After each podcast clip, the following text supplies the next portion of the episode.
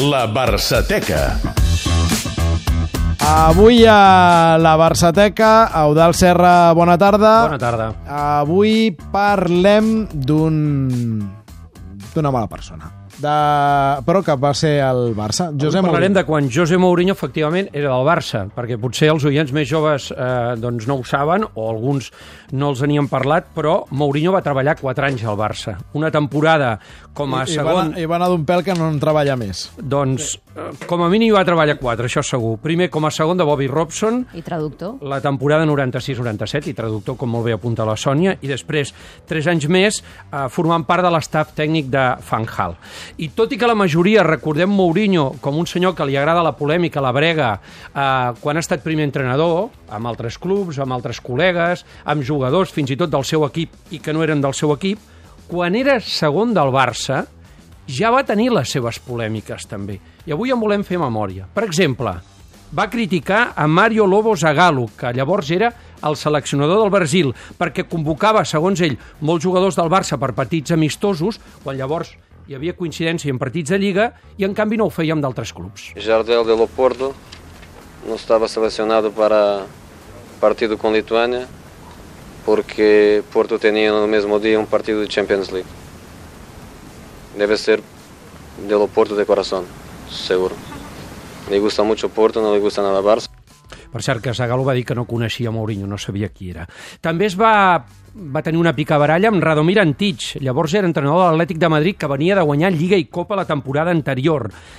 Té polèmica amb ell després que el serbi es queixi dels arbitratges que estava rebent aquella temporada al Barça, la 96-97. É uma coisa que é, que é lógica, é que um treinador que temporada passada ganhou Copa e ganhou, e ganhou Liga, não está seguramente muito contente de estar a nove pontos de Barcelona e de estar a sete pontos de Coruña e de, e de Real Madrid.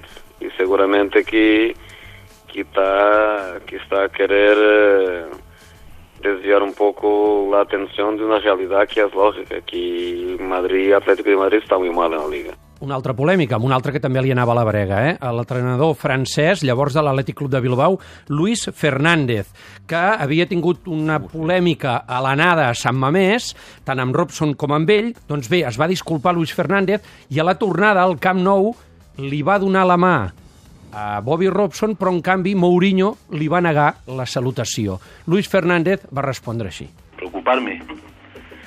Me preocupará. Si, Robson, si, si el señor Robson no me diera la mano, me preocuparía. Los que se quieren hacer famoso en España, que esperen otro día para que lo sea. Doncs bé, va ser famós Mourinho, però va haver d'esperar. I la última, fins i tot amb jugadors del seu mateix equip. Per exemple, amb Ronaldo Nazario, Ronaldo Nazario, que hi va estar una única temporada al Barça.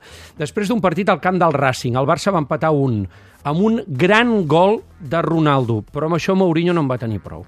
Un grande gol, es un grande gol, pero lo que estoy ahora diciendo a, a vosotros, ya lo decíamos a Ronaldo también.